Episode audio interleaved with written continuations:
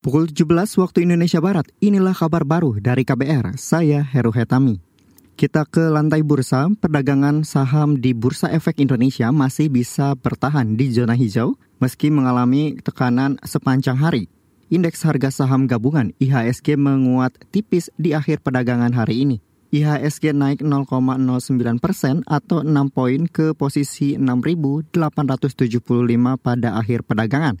Tekanan pada IHSG terjadi setelah 300-an saham terkoreksi, sedangkan hanya 200 saham menguat dan 220-an saham stagnan. Penguatan tipis IHSG disokong kenaikan tiga indeks sektoral. Salah satunya sektor barang konsumsi primer yang menguat hampir satu persen, sedangkan delapan indeks sektoral melemah. Di antaranya sektor teknologi yang terjun lebih 2 persen dan sektor transportasi dan logistik merosot lebih 1,5 persen. Sementara itu nilai tukar rupiah berada di level 15.100-an rupiah per dolar Amerika Serikat Rupiah menguat 28 poin atau 0,18 persen dari perdagangan sebelumnya. Sementara kurs referensi Bank Indonesia BI Jakarta Interbank Spot Dollar Rate menempatkan rupiah di posisi 15.200 rupiah per dolar Amerika Serikat. Kita ke Jawa Timur, Saudara PT Pertamina Banyuwangi memastikan persediaan gas LPG 3 kg bersubsidi di wilayahnya sudah kembali normal. Manajer merek penjualan PT Pertamina Banyuwangi Denny Nugrahanto memastikan tidak ada antrean pembelian gas tabung melon seperti yang terjadi pada akhir bulan lalu.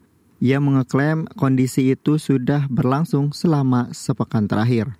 Ya sudah mulai ya. Banyak konsumen yang kemarin kita operasi pasar pun yang dia memang mampu akhirnya mereka mengganti tabungnya ke yang pink harapannya sini tetap tetap apa tetap uh, terjaga ya uh, kesadaran masyarakat terutama bagian mampu. Baik yang lima setengah atau yang 12 kilo. Kalau non peso itu dari kurang lebih hariannya ya hariannya sekitar 7 tonan sekarang bisa sampai 13 12 12 sampai 13 ton Manajer merek penjualan PT Pertamina Banyuwangi Denny Nugrahanto menambahkan, mulai normalnya pasokan gas LPG bersubsidi juga dipengaruhi penambahan 1 juta tabung gas LPG 3 kg di Jawa Timur. Penambahan ini sesuai instruksi Gubernur Khofifah Indar Parawansa, sehingga pasokan gas bersubsidi meningkat tiga kali lipat.